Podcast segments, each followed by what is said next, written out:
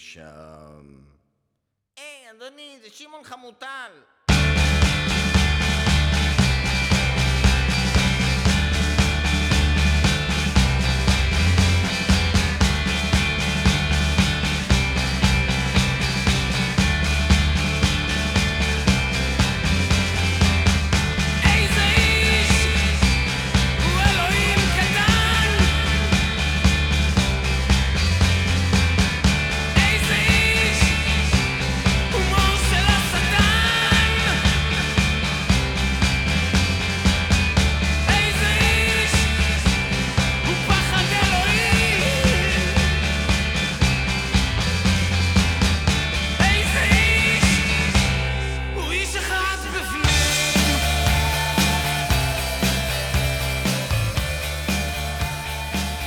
בפרק הקודם הזכרנו שלפני העבודה על מפלצות התהילה, התאווררו חברי משינה בפרויקטים מחוץ ללהקה. זה הזמן להזכיר שגם לשלומי ברכה היה אחד כזה.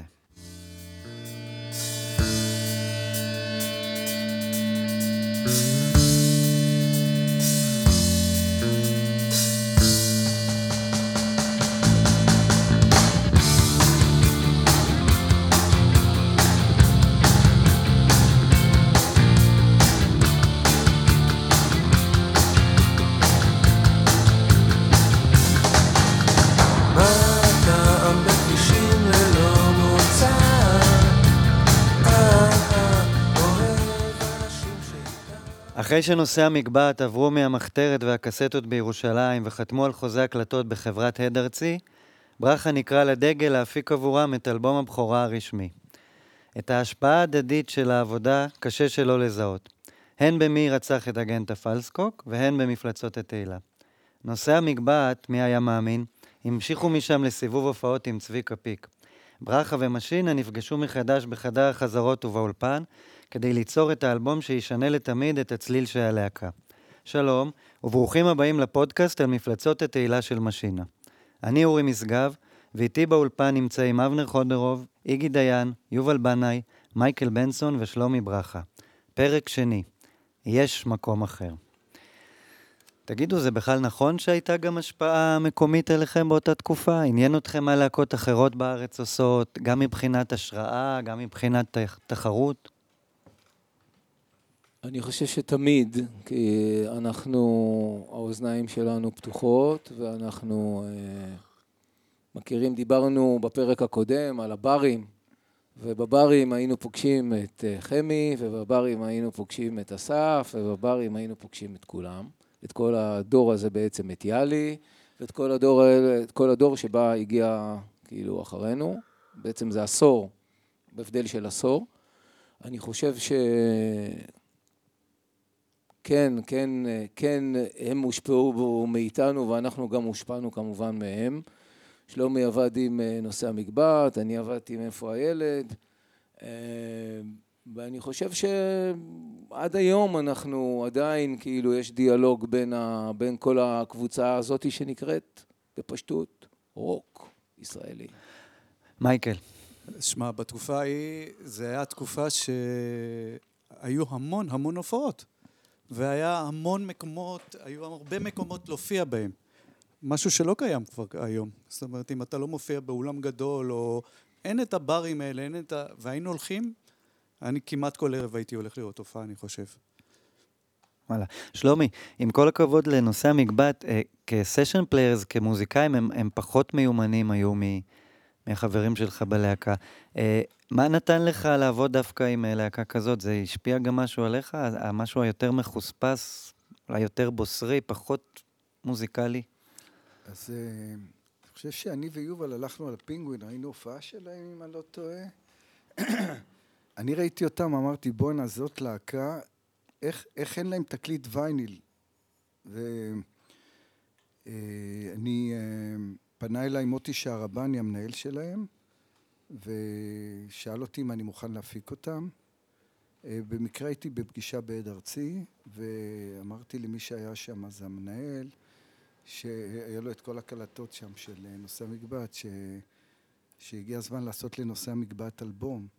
אז הוא אמר לי, קח שלושת אלפים דולר ותעשה להם אלבום. אז אמרתי לו, תראה, דיברו איתי מ-NMC וביקשו 15, אה, נתנו כבר 15 אלף דולר, אז בסדר, פשוט נתתי לך פריוריטי. ויצאתי במסדרון החוצה, ואז הוא רדף אחריי ואמר לי, טוב, קח 15.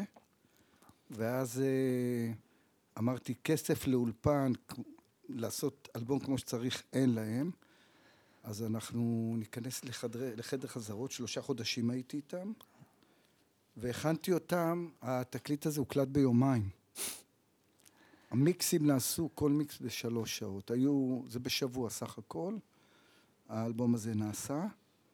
רציתי את האולפן הכי טוב, רציתי את הטכנאי הכי טוב. שזה שוב מורנו, נכון? זה מורנו, כן. הוא, הוא את המוזיקה הזאת הוא לא הבין, והיה לו מאוד קשה גם לאכול אותם בזמנו, שזה לא עשה לי את החיים קלים, בלשון המעטה, אבל uh, מכיוון שהתחילו לרדת טילים, אז הם רצו לירושלים, ואני נשארתי איתו בהפגזות, ועשינו את המיקסים תחת הפגזות. זה נתן עוד טיפה זמן ואוויר. אז בואו נחזור עם מורנו לאולפן ההקלטות של משינה, באלבום שלא עבדו עליו.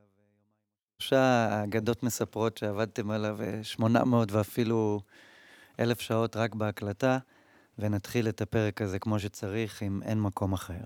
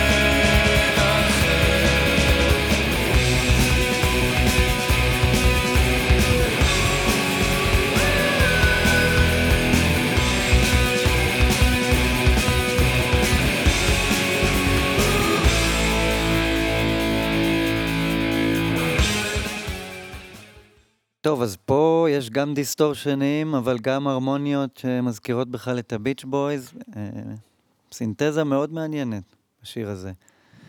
מה, מה הלך שם? פעם אמרתם שפשוט התנפלתם על השירים האלה. זה נשמע שיר, אולי אני טועה ואולי זה היה סבל, אבל אה, זה נשמע כמו הנאה צרופה גם אה, ליצור דבר כזה. נשמע שאתם נהנים לנגן. זה נכון? אני אחזור רגע לסדר של הדברים. אז אם את באה לבקר היה השיר הראשון במפלצות התהילה, זה היה השיר השני. זאת אומרת, היה, היה את המילים, אני באתי לשלומי עם המילים של את באה לבקר. אגב, באותו ערב שבאתי אליו עם המילים, הוא חיבר את הגיטרה, היה לו מגבר קטן כזה בחדר. מין חדר עבודה כזה, קטנצ'יק, חיבר את המגבר. פתח את הדיסטורשן וזהו, והיה מילים והיה, זה ככה קרה השיר באותו ערב. גם את באה לבקר ככה. לא, אני אומר, את באה לבקר. אחרי זה, יומיים אחרי זה, או שלושה, או משהו כזה, הגעתי אליו עם אותה מחברת, עם אותו סיפור, אמרתי לו, תשמע, יש לי עוד אחד. כן, הזמן הזה אבוד, אבל לא בשבילי. הבאתי לו את המילים, אותו דבר, חיבר את הגיטרה, הוא המציא את המנגינה הזאתי. איך שהוא ראה את המילים האלו, הוא כתב את המנגינה הזאתי. אני זוכר את זה פשוט, כאילו, בחדר, ישב, ככה. וזה שני הראשונים, זה שני השירים הראשונים במפלצות התהילה. אני חושב שזה גם שני השירים היחידים שאני כתבתי את המילים ושלומי כתב את המנגינה. זאת אומרת, אה, בוודאות. כאילו. ואם אנחנו מדברים על אה, קפסולה של זמן, פעם היית תלוי במה ינגנו ברדיו. אחד המשפטים הכי צובטים שם בלב זה את השיר שאני אוהב כבר לא משדרים. היום כל אחד בוחר לעצמו אה, את השיר כמה שהוא רוצה, אבל אז באמת זה, היית תלוי בדי-ג'יי, Hang the DJ. מה קורה שם מבחינת נגינה? שוב, ה rhythm section של מייקל ואיגי אה, נשמע שם בשיאו. אני, אני רק חייב לזרוק פה, וזה רק הרמה, כאילו מה שאני אומר. אפרופו השיר הזה, מייקל, כן? אני חושב שפה דווקא נכנס משהו לא צפוי בשיר הזה, עם כל הרוק וכל הכסח וכל הגראנג'. אה, התקופה הזאת היא גם מאוד מאוד אופיינה על ידי אה, מה שנקרא אקסטסי והמוזיקה הזאת שבאה במועדונים ומה שבעצם כאילו בעצם תחילת הטכנו, תחילת האסיד מה שנקרא. מייקל היה לגמרי בעולם הזה, אהב את זה מאוד, תמיד הוא אהב דיסקו אבל בתקופה הזאת של ה nineties הוא היה חזק בעניינים וחלק גדול מהעניין של השיר הזה שאני חושב שמשהו מהאקסטזי הזה ומהדבר הזה כן נכנס כאילו לתוך העניין של אה, אין מקום אחר. אני אסביר. יובל אה, אמר מקודם שזה היה סוף תקופת האנלוג באולפן, אז כמו שאמרתי מקודם שהייתי יוצא ורואה הרבה הופעות, זה גם היה סוף תקופת ההופעות. התחיל בדיוק העניין של במקום להקה יש די.ג'יי על הבמה. ואז התחילה המוזיקה הזאת. זה מאוד השפיע עליי, כי אני תמיד נמשך לקצב. אני ת- תמיד נמשך ל- לביט הזה, שגם ברוק רגיל יש את זה. אז אה, מפה זה הגיע, זה הסוסים דוהרים פשוט, דוגדום, דוגדום, דוגדום, דוגדום. בשביל מייקל, בשביל מייקל, אני, אני מנחש שזאת פשוט הייתה הקלה שלא צריך להחליף אקורד. אז זה רק הפך את החגיגה ליותר גדולה. ואתה צודק, מאוד כיף לנגן את הסוג הזה של ולאיגי עבודה המוזיקה. קשה לעומת זאת. כן, ואני רוצה להכניס גם את אבנר, והאקסטזי אקסטמו, כאילו. שמייקל היה שר, אקסטזי! זה דווקא זה- לא. זה בהופעה, זה היה יותר כן, כן. נכון, כן, ואני רוצה להכניס לקלחת הזאת גם את אבנר, מכיוון שאם אה, אין מקום אחר קרה משהו מעניין. אה, זה יצא כסינגל, או מה שקראו פעם תקליט שדרי. זה לא שבר את הקופות ורשימות ההשמעה, למרות שזה אחד הכי גדולים שהוצאתם עד אז כלהיט, והוא קיבל בעצם, אולי כמו כל האלבום הזה, אה, צדק מאוחר. במקרה של אין מקום אחר, זה עם הגרסה היותר דנסית, היותר מועדונית. גרסה שהייתה אחרי זה להופעות, אחרי כן. כמה שנים, ועיבוד טיפה שונה, זאת אומרת, הרבה אלמנטים כן נשארו, אבל האווירה השתנתה, יש line של קלידים שלא קיים בתקליט המקורי, ה string שרץ כזה, דגה דגה דגה דגה דגה דגה, זה, אם לא שמים לב, זה קשה להחזיק את זה כל ההופעה. יש לפעמים בפתיחה שאני מתחיל, כולם ואני עובדים מחכה- מאוד קשה אני- בשיר הזה. אני מחכה שאיגי ייכנס. ואני אומר, אחרי זה יהיה לי קשה לה- להמשיך את כל השיר, והוא מתמהמה וזה, ואני מסתכל עליו. אבל לא באמת, לא. באמת שונה מהמקור. בעיניי, כאילו עדיין אותו, אותו דבר, אותו לא, אבל שיר, אני- אותו מקצב, אותו הגיטרות ברס. פימבס אותו דבר. אותו דבר. כן, אבל יש, הקלידים- יש הקלידים משהו. שעוטף אחרת בת- והשירה אותו דבר. בתרגום לאוזן של הקהל, אני חושב שכן. כן, אבל אני חייב להודות שאני מוביל כבר בשנים האחרונות את תנועת נגד. אני נורא, מת... מרוב שזה נהיה סימן היכר ולהיט הופעות ענק שלכם בביצוע היותר dancey, אה, אני טוען שצריך לחזור גם לביצוע המקורי, שהוא פשוט סוחף ויש בו מספיק אה, מומנטום, אה, וכאמור, אה, נשמע שכל הלהקה שם אה, בשיאה מבחינת תרומה. בעיניי ההבדל הגדול, זאת אומרת, מה שאבנר אומר זה, זה כן הבדל רציני, כאילו יש איזו תנועה של הקלידים בהופעות שלא קיימת באלבום והיא, והיא הבדל חמור, אבל מעבר לזה, שזה פרט שצריך אה, להתמקד בו בשביל להבחין בו, אה, ההבדל הגדול הוא פשוט הקטע אה, שבו המוזיקה עוצרת ומתפתח שם איזשהו מין אה, קטע שהוא כזה אקס, אקס שיר, כאילו מחוץ לשיר בעצם. ושם החלפנו את אה, סולו הסיטאר האלמותי לא, זה. לא סיטאר, הזה. סיטאר זה באישה. אז מה היה? שם היה. לנו פסנתר ragtime. כן, היה לנו איזה פסנתר ragtime כזה. כן. כן, סליחה. היה אבנרמן. אני, אני, אני חייב להוסיף עוד משהו על אין מקום אחר, כי זה, זה חשוב. אה, אני חושב שבכל חיים של שיר, במיוחד ב- בלהקה כמו משינה, יש את הרגע הזה ששיר הוא, הוא גודל לממדים שהוא כבר לא בשליטה שלך בכלל. אין מקום אחר, הוא שיר שלא משנה מאיזה מגזר אתה בא, מאיזה צד פוליטי אתה בא, וזה לא משנה בכלל מאיזה מקום בארץ אתה מגיע, כולם מנכסים אותו ומשייכים אותו אליהם. והשיר הזה הוא נהפך אולי להשיר של הקהל בעצם, כאילו יותר מכל שיר אחר של משינה, לפי דעתי, בעשורים האחרונים. כאילו אם פעם זה היה רכבת, כאילו שעדיין יש רכבת, אבל אין מקום אחר, הוא הגדרינג הכי גדול. וברגע ששיר הוא, הוא כבר הופך ל, לכזה דבר, הניואנס בו הוא לא, הוא כבר לא שייך כאילו לעסק. כבר כאילו לא של משנה ה- העיבוד, השיר הוא בדיוק. השיר. השיר הוא השיר, ועוד דבר, גם הייתה תקופה שעשינו מופע Unplugged, היה לו ביצוע רק עם גיטרה, הכי שקט, הכי... זה היה המנון מטורף שכל הקהל שר אותו. זה לא חשוב איך עושים אותו. אז דיברנו פה גם על קיבוץ, על עבודת קלידים, וגם על uh, מקום שלקחת אליו אה, טקסטים, uh, שונה קצת מאלבומים אחרים, מאוד קשור לרוח של תקופה, uh, הזמן הזה אבוד. אני חושב שזה בולט גם, uh, הכיוון הטקסטואלי הזה בולט גם uh, בשיר הבא שנשמע, וגם המעטפת של הקלידים, תתעורר. תתעורר,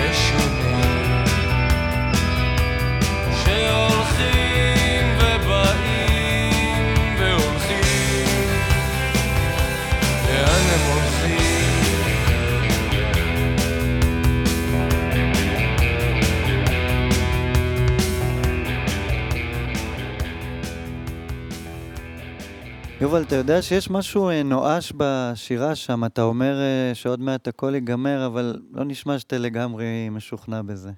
היית אז ב... השפיעו על המצב רוח שלך גם דברים שקרו מסביב?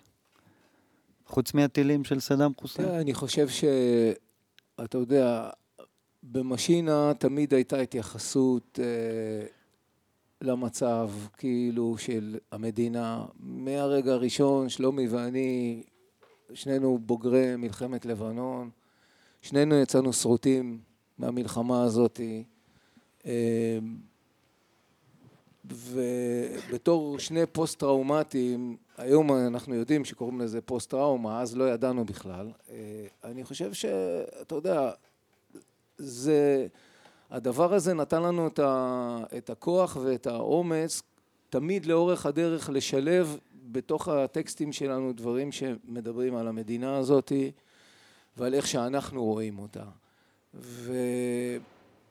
וברור שמפלצות התהילה זה לא האלבום הראשון והמון המון המון דברים השתנו בדרך ושאנחנו חווים אותם במיוחד תוך כדי ההופעות, תוך כדי המפגש עם הקהלים, תוך כדי הפסטיבלים, ראינו איך הדבר הזה משתנה, איך, איך המדינה משתנה, איך האנשים משתנים. ואני חושב שזה חלק מהעניין, ועוד פעם אני אומר, האישי ו... ו... והמלחמה והשינוי הפוליטי הגדול שהיה במדינה, היה שינוי ענק, כאילו אין מה לעשות, זה עבר, ישראל עברה אז טלטלה מטורפת מבחינה פוליטית. ואנחנו, אתה יודע, בתור נערים וילדים ו- ואנשים בני עשרים עד גיל השלושים שחיו במציאות מסוימת, פתאום מצאנו את עצמנו במציאות אחרת. ואני חושב שזה מופיע במפלצות התהילה וממשיך גם הלאה בטקסטים שלנו. בוודאי. אני רוצה לחזור קצת לדיסטורשנים. אני גם ממליץ לכל אה, מאזיננו לשמוע את אה, מפלצות התהילה, בטח בווייניל החדש, שאני אדבר עליו אבל בכלל, בווליום מאוד גבוה. השאלה שלי, האם גם הקלטתם אותו בווליום גבוה? כי התחושה שלי היא שהייתם אמורים לצאת חרשים מההקלטות האלה. מה? לא שומעים. בכל מקרה, שלומי. אה, באולפן אה, אם נניח היה צריך להזיז קצת את ה miking של המיקרופון מהמגבר בזמן שאני ניגנתי, זה היה בלתי אפשרי כי האולפן רעד. המרשלים וה... והטווינים שם חגגו בווליום שאני לא יכולתי להיות בחדר, אני הייתי ב control, והייתי עושה פידבקים לרמקול של ה... למוניטורים של האולפן, הייתי עושה פידבקים.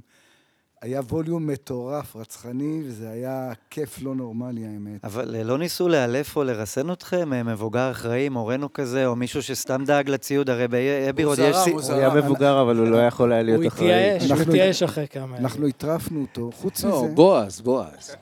בועז, היה לשלומי... בועז בן ציון. זה, זה, זה חובה, זה, זה קטנה, אבל זה חובה. איגי, פנק, נו. זה שייך לפרק השלישי על ההופעות, אבל בכל זאת, אה, אנחנו עושים חזרות. זה, לא, זה, לא, זה התחיל גם באולפן. כבר. עושים חזרות בסינרמה, והיה לנו את המנהל בועז, הוא לא בגיל שלנו, בועז בן ציון. כן? ו... הוא לא הבין מה לא בסדר, הוא ניסה כאילו, הוא ניסה. לתעל את כל מה שמסתובב לו ווליום בראש, אימים. לתעל- לתעל את ה- את החרדה שיש לו בראש לאיזושהי עצה ספציפית אה, שאפשר ליישם אותה בפועל. אז אל שלומי. אומר, תלחץ על כל ה... מה, מה אתה מנגן? תראה לי, כאילו, ולוחץ לו על כל הזה, ואז שלומי לוחץ על פדל שקוראים לו מטאל זון. וכששלומי לוחץ על הדבר הזה, הוא אומר לו, זה, זה, איך קוראים לזה? אומר לו, מטאל זון. מטאל זון. מאז הוא אמר מת על זאת. זה נהיה שם כולל למוזיקה, כאילו, שהוא היה שמח להשאיר אותה מחוץ ללהקה, כאילו, לכל הדבר הנוראי הזה. הוא היה רץ, הוא היה רץ, בועז, מה, מהאולם, ובכוח, באלימות, מחבל הוא היה. מחבל לשלומי את המטר. פדל הזה. תראו, החרדות אה, של המערכת מובנות, אבל מה שהכי מצחיק, וכבר הזכרתם אה, גם אה, הופעות, שבתוך כל המהומה הזאת של מפלצות התהילה, פתאום צצה גם קטטה עם להקה אחרת. כמיטב המסורת של סצנת הניינטיז בבריטניה. רק שמכל הלהקות שהייתם מדמיינים שמשינה תצא איתם למלחמה, זו הייתה דווקא אתניקס.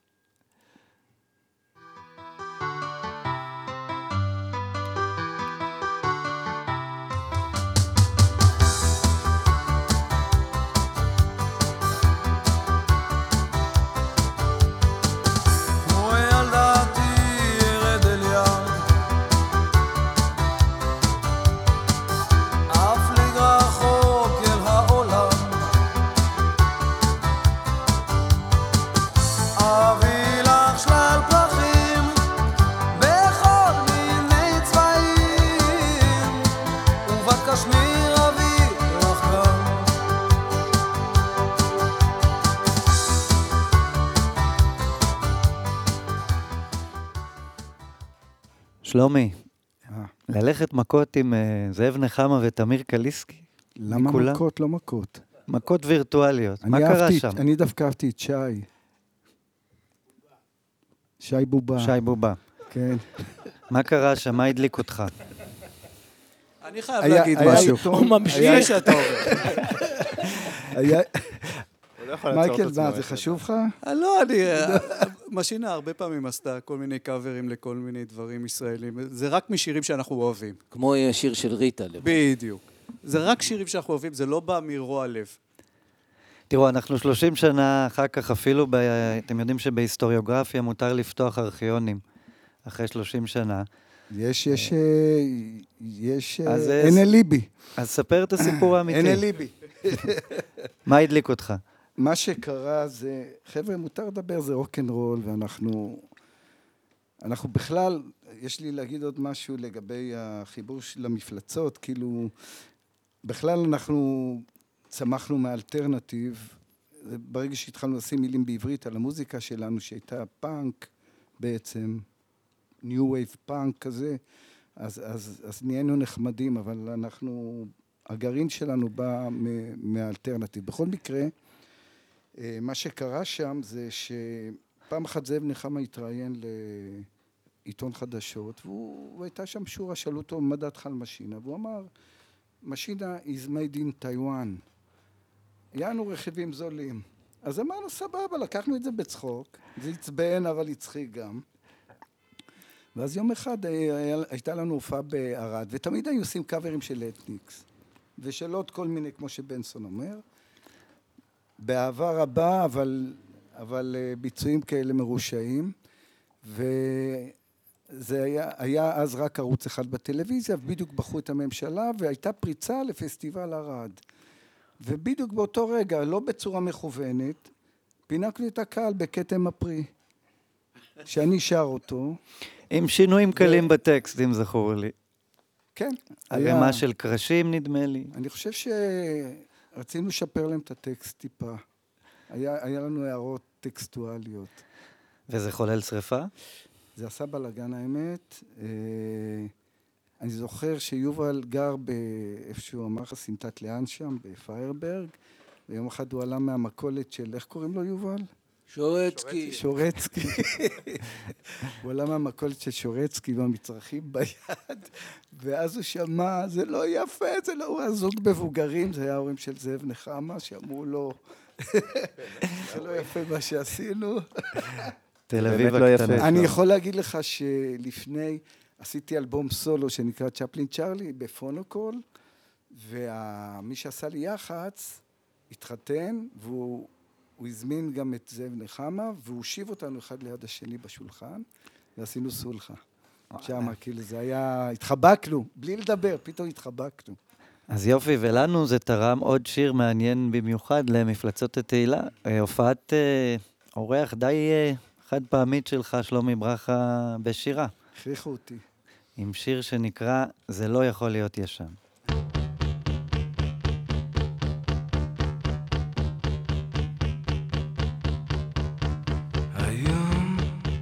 שהאתמול נראה מותש. היום אין קול עונה ואין חדש. היום פתאום כתבתי שיר ישן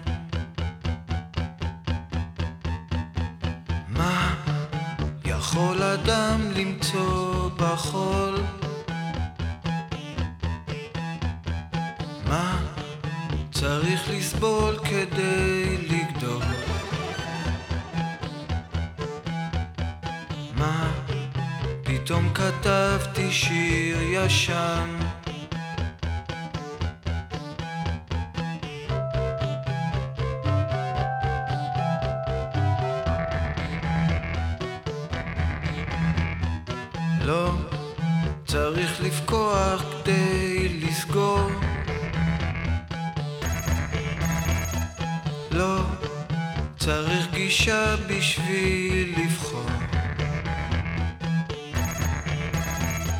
לא, זה לא יכול להיות ישן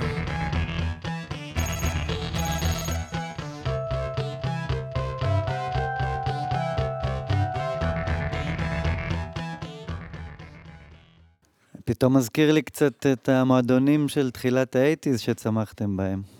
כל מיני Kraftwerk או הרכבים בארץ שניסו לעשות new wave מנוכר כזה. מבוסס קלידים וסינטי. זה הכל ביחד, יש שם בליל של אה, השפעות מה Kraftwerk עד אה, Frankie Goes to Hollywood ו... ו... תעשה לי טובה, תגיד אדוארד קספל. זה עוד לא הגעתי, שמרתי את זה לתוכנית, לשעה האחרונה, באסה. עם לפרק החליפה. הרביעי. הוא דרך אגב גם עם חליפה. הקלידים פה זה מאוד מאוד שלומי, מאוד. אה, אבל יש גם Sex Pistols וכאלה. תשמע, זה כן, מתפרץ. האמת שירדנו לפני ההתפרצות. אה, אני כן רוצה להחזיר אתכם לקראת סוף הפרק השני אה, להופעות של מפלצות התהילה. כי זה דבר אחד להקליט את המוזיקה הזאת באולפן. אמרתם לבד שמשכתם שם עד הקצה. דבר שני, היה להוציא את זה החוצה ולהגיע לסאונד ש... שלא יבייש את מה שעשיתם באולפן. אה, Metal Z- Zone. כן, Metal Zone. איזה תהליך עשיתם שם מבחינת אה, ציוד אפילו? להגיד? שלומי, תתחיל. אוקיי. אה, באגף הבאס, אז מייקל אה, הוסיף אוברדרייבים ו sub, שמנגן גם מתחת, שמשדר את הבאס, הגדיל את הבאס בשקל 90, כמו במקדונלדס. ומבחינת קלידים, אבנר היה לו עומס מאוד גדול, כי הוא, בשביל לעזור לגיטרות, אז ניגנתי קצת לתוך הסמפלר שלו, סאונדים, והוא ניגן גם גיטרות מתוך הסמפלר. עד היום. ואני קניתי מטאל זון, קניתי פדל, גם- גם לי קנינו מטאל. גם זה- לי, גם לי. גם לכולם Metal Zone, ואיגי bass drum גדול. ואיגי... double לא היה bass drum. לי double לא היה. לא היה לי double. גדול בסיבוב הזה. הוא היה ארוך, הוא לא היה גדול. אוקיי. אבל היה היה בכלל ציוד, היה מגברים. רגע, גדול או ורמקול- ארוך? ארוך לא, הפעם. אבל- הבנתי, לא. דבר אחד הייתי- מאוד הייתי חשוב. חייב לדעת. לא, לא. היה היה בכלל רמקולים ומגברים וציוד להוציא מוזיקה כזאת החוצה בישראל? כל הלהקות שניגנו גראנג' בארץ בניינטיז, מהקספרים ואיפה הילד ומוניקה ומאור כהן עם זקני צפת ו...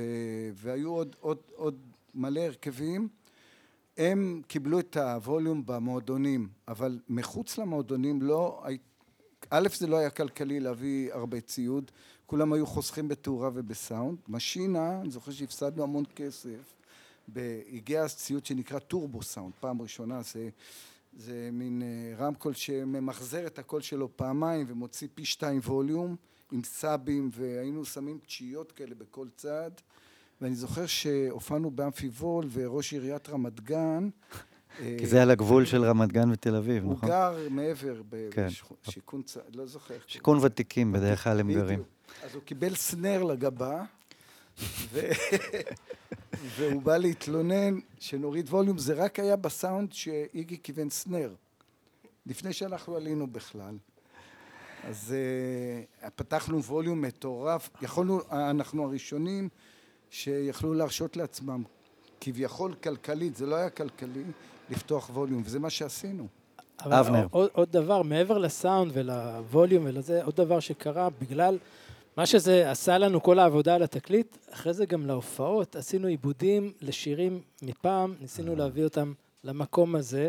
זה לא תמיד החזיק מעמד, מרכבת לילה ו- ועד באמת, זה לא- הפכנו אותם לגמרי. זה לא החזיק מעמד לא. בכלל. לא נכון. זה לא החזיק מעמד הקהל, לא אני החזיק הייתי, מעמד. הייתי, ניסיתי להיות עדין, אבל זה באמת, עשינו, אה, התחלנו את הסיבוב הזה בשתי הופעות בשפיים. גם הבאנו שם ציוד מדהימות, והכנות היו וזה. הופעות מדהימות. אני רק ו- אזכיר, אמפי שפיים מנוחתו עדן, אני כן. בתור נער ראיתי שם כמה הופעות גדולות, לצערי את מפלצות לא ראיתי, כי הייתי הרבה אנשים לא בצבא. ראו שם את מפלצות. היינו שם כמעט לבד, יומיים, זה בהמשך של להפסיד את הכסף, שם השקענו הרבה. ואחרי ההופעות האלה עשינו איזה עדכון לכל המצב, ולא אגיד חזרנו אחורה, אבל הלכנו קדימה חזרה ל... יובל, אני חושב שבצורה מעגלית, אתה יודע, בתקליט הראשון היינו, אתה יודע, הכל קרה לנו זה, ואז הגיע, אה, אנחנו מיד כאילו תרגמנו את זה לנועזות אה, ו- ושינוי, ועשינו את האלבום השני שהיה צלילה מוחלטת ואף אחד לא הבין מה אנחנו רוצים. ואני חושב שכמו גבירותיי ורבותיי משינה והעמותה לחקר התמותה, התשובה שלנו הייתה המפלצות וההיסטוריה שוב חזרה על עצמה והכישלון הזה היה כישלון מפואר מבחינה כלכלית, מבחינת הקופות. בן אדם לא בא לראות אותנו, זה לא עניין את אף אחד, חשבו שאנחנו הורסים את ה... האנשים שאוהבים את משינה כאילו לא קיבלו את זה, הקהל הרחב לא קיבל את זה בכלל. הסיבוב הזה היה כישלון היסטרי, הוא לא מכר כלום, אנחנו... הדבר הברור שאני זוכר מכל האלבום והסיבוב, במיוחד מסיבוב הופעות, זה זה שנאלצנו למכור מכוניות. הדבר היחיד שנמכר זה המכוניות שלנו. המכוניות שלנו, כולנו מכרנו את הרכבים כי לא היה לנו כסף לשלם שכר דירה, זה, זה דבר ברור שאני זוכר. מייקל. אתם פרצתם ישר להופעות, אני זוכר את ה... שהחברת תקליטים באה לשמוע את התקליט באולפן. אוי, זה גדול. שזה... כן. אחרי זה הם אמרו שהם לא רוצים. כן, והכנתם להם הפתעה שתהיה בפרק השלישי. אבל אני רוצה להגיד עוד משהו על הופעות. דיברתם רק על סאונד וקהל, הופעות גם רואים. הלכתם שם על אה, לוק אחר. גם מבחינת אה, ביגוד. אני, נדמה לי שהלבישו אותך אפילו בטייץ, אני לא אני בטוח. רוצה להגיד לך, שכשאני באתי להופעה הראשונה של מפלצות התהילה, אני חשבתי שהגעתי להופעה הלא נכונה. אני באתי עם הבגדים של פעם, שתמיד היינו לובשים, כאילו, היה לנו מדים כאלו. שזה מה?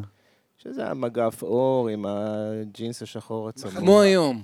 כמו שאנחנו נראים בדרך כן. כלל, עד היום. המדים. אנחנו יש לנו, אתה יודע, אנחנו... הכל. אוקיי, ומה אני- קרה? אני מסתכל על עצמי, אני רואה את הדבר הרגיל, מסתכל על יובל, על שלומי וזה.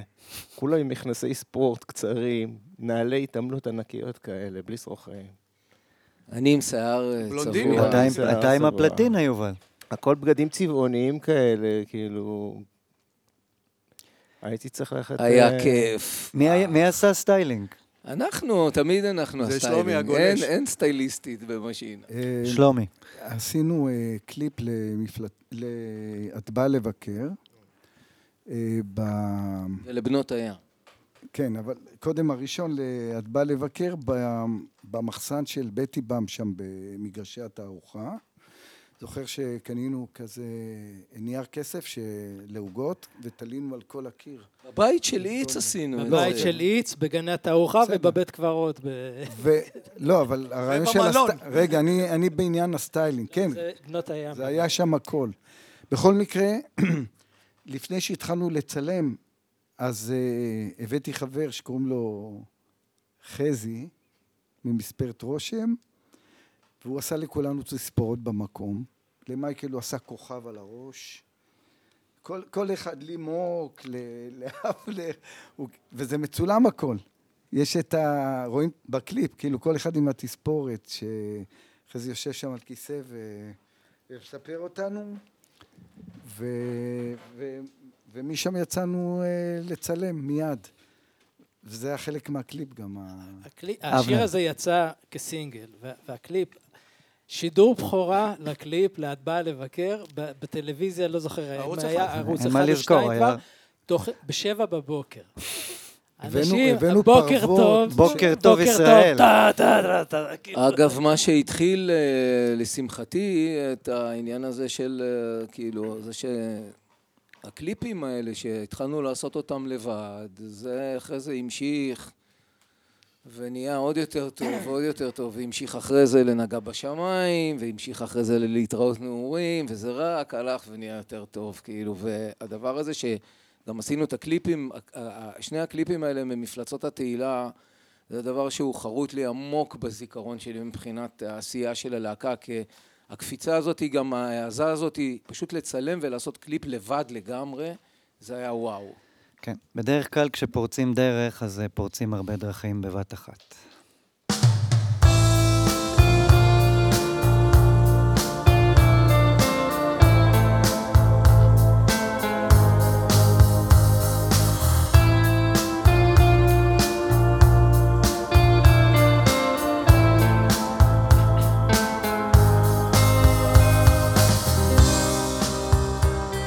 האזנתם לפרק השני בפודקאסט על מפלצות התהילה של משינה. אני אורי משגב, ואיתי באולפן היו אבנר חודרוב, איגי דיין, יובל בנאי, מייקל בנסון ושלומי ברכה. תודה מיוחדת ליוסי לוגסי על הסאונד וההקלטה, ותודה ענקית למשינה על היצירה וההשראה.